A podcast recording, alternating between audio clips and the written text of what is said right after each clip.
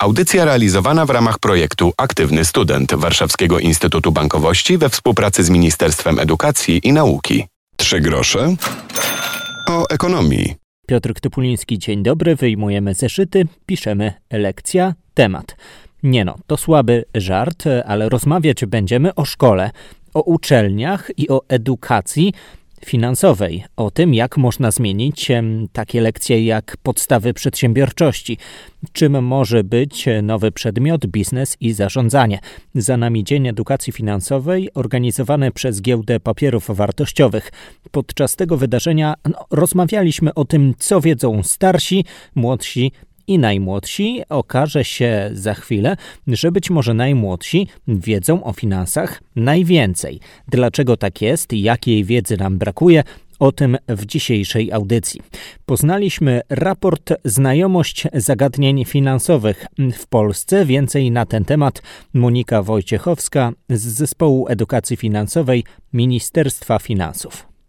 Edukację finansową należy zaczynać jak najwcześniej, więc e, na pewno e, ten trend jest jak najbardziej e, właściwy, że właśnie do tej grupy jest najwięcej. Natomiast dalej już skokowo znacznie mniej jest projektów edukacyjnych właśnie do pracujących dorosłych, do inwestorów, do osób starszych, do kobiet.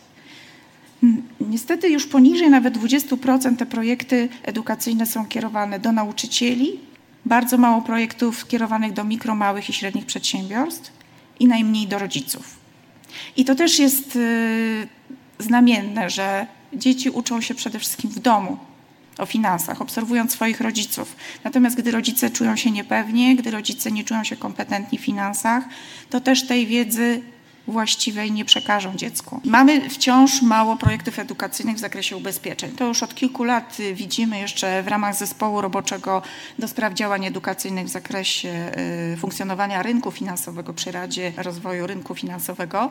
Y, już kilka lat temu robiliśmy taką diagnozę y, właśnie projektów edukacyjnych, jakie są oferowane, najmniej było projektów dotyczących ubezpieczeń, czyli y, kształtujących świadomość, że ubezpieczenia są istotne w zabezpieczeniu własnej, własnego bezpieczeństwa finansowego.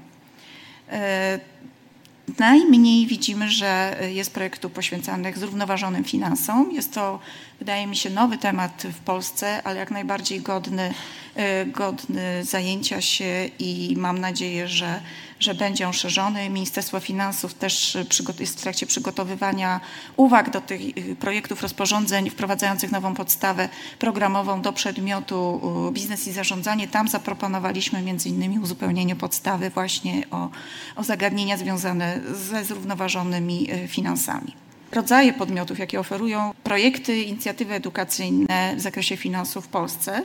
Najwięcej są to organizacje społeczne i pozarządowe. Na drugim miejscu jest administracja publiczna, krajowa, wszystkie instytucje, no, instytucje publiczne związane z finansami. Natomiast mniej już jest podmiotów sektora prywatnego, a najmniej wyszło, że jest uczelni, tylko 9%.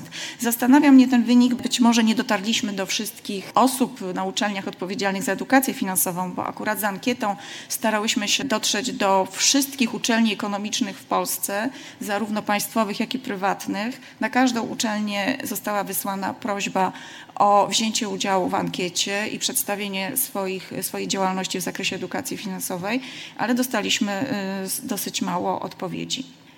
Inflacja i stopy procentowe oczami polskiego konsumenta to jeden z tematów, którymi zajmowali się goście Dnia Edukacji Finansowej. Podczas debaty eksperckiej Rola i perspektywy edukacji finansowej w dobie recesji mowa była o tym, co już wiemy, a także o tym, jak prawo nas chroni. Trochę zwalniam, gdy mówię, bo się zastanawiam nad tym, co powiedział i co usłyszycie za chwilę dr Emil Łobodziński. To jest menedżer zespołu doradztwa inwestycyjnego i analiz technicznych biura maklerskiego PKO Banku Polskiego. Jak zaznacza, choćby i najlepsze prawo nie sprawi, że będziemy zabezpieczeni na 100%, bo sami musimy pamiętać o własnych finansach i o ich bezpieczeństwie trzeba pewien poziom jakiś podstawowy zabezpieczenia jak najbardziej y, oczywiście regulacyjnie wprowadzić.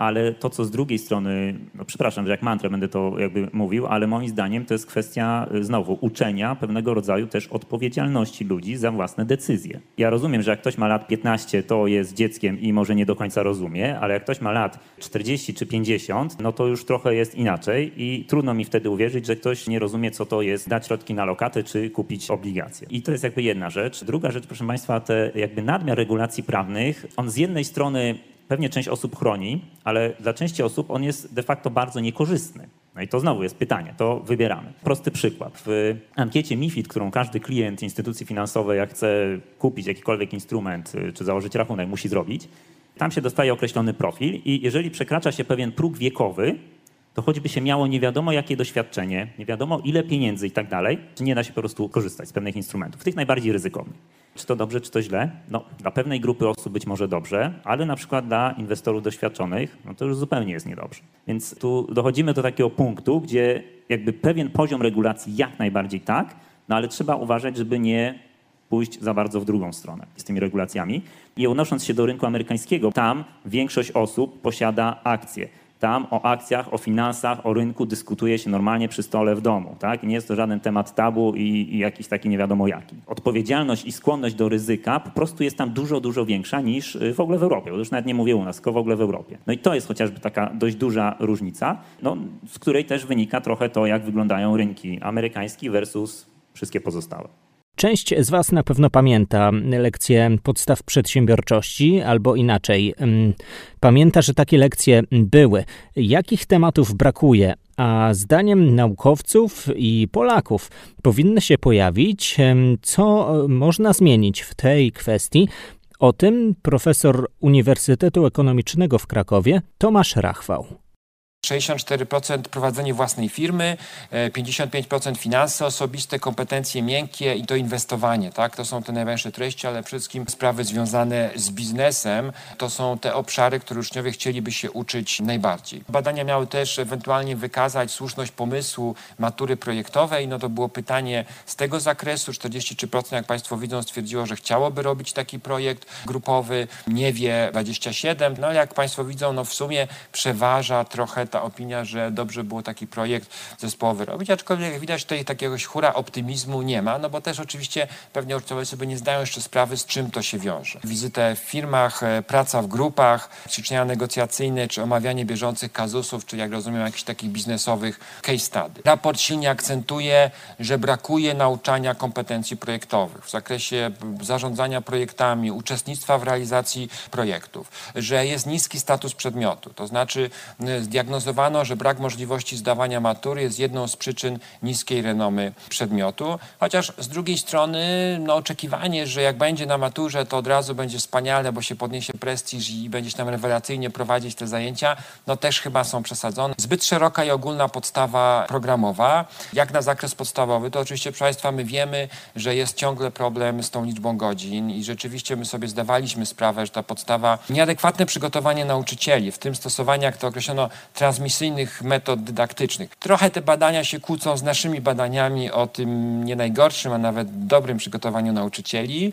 E, I tutaj no, trzeba mieć tą świadomość, o tym muszę też powiedzieć, bo tutaj jeszcze w Katedrze Przedsiębiorczości Uniwersytetu Pedagogicznego prowadziliśmy przez szereg lat badania na Uniwersytecie Ekonomicznym. Teraz też prowadzimy takie badania. W związku z tym ten obraz jest bardzo zróżnicowany, ale raczej pozytywny, jak powiedziałem wcześniej. Niedopasowanie materiałów e, edukacyjnych e, do tych nowych wyzwań, niewystarczająca liczba godzin, no, oczywiście no i mała też otwartość szkół na współpracę z praktykami przedsiębiorczości i tutaj no, tym krytykantom, którzy mówią, że to jakby szkoły nie chcą, nauczyciele nie chcą, to jednak zwracam uwagę na pewne trudności i też no, trochę niechęć e, środowiska biznesowego, jeśli nie mają w tym interesu i to trzeba też powiedzieć jasno. Że Państwa, się tak wydaje, zatrudnijmy praktyków, pójdźmy ich do szkoły, tylko jaki właściciel własnej firmy ma czas, szczególnie jeszcze teraz, tak, kiedy ma takie problemy, wiadomo, w związku z inflacją, wzrostem kosztów, przychodzić do szkoły. Przyjdzie może od czasu do czasu, ale musimy go go o to prosić, a trudno, żeby prowadził, jak niektórzy by chcieli, część lekcji albo w ogóle porzucił firmę tak i przychodził na etat do szkoły. No, Państwa, wiemy, że to jest praktycznie niemożliwe. Tak czasem robią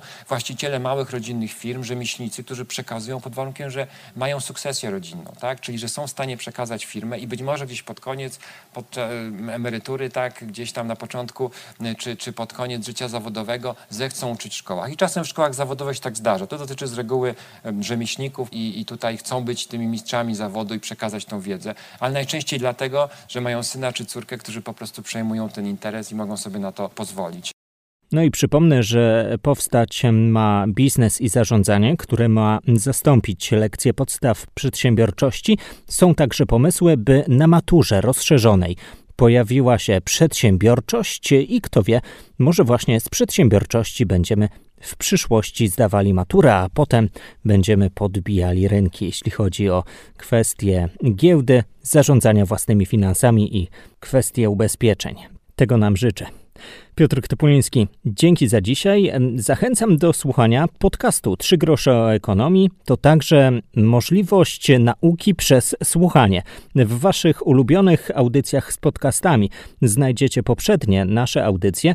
Tam rozmowy choćby o inflacji, o rynku pracy, i o tym, co już udało się zrobić w tych kwestiach, o których dzisiaj mówimy, czyli edukacja finansowa. Do usłyszenia. Audycja realizowana w ramach projektu Aktywny Student Warszawskiego Instytutu Bankowości we współpracy z Ministerstwem Edukacji i Nauki.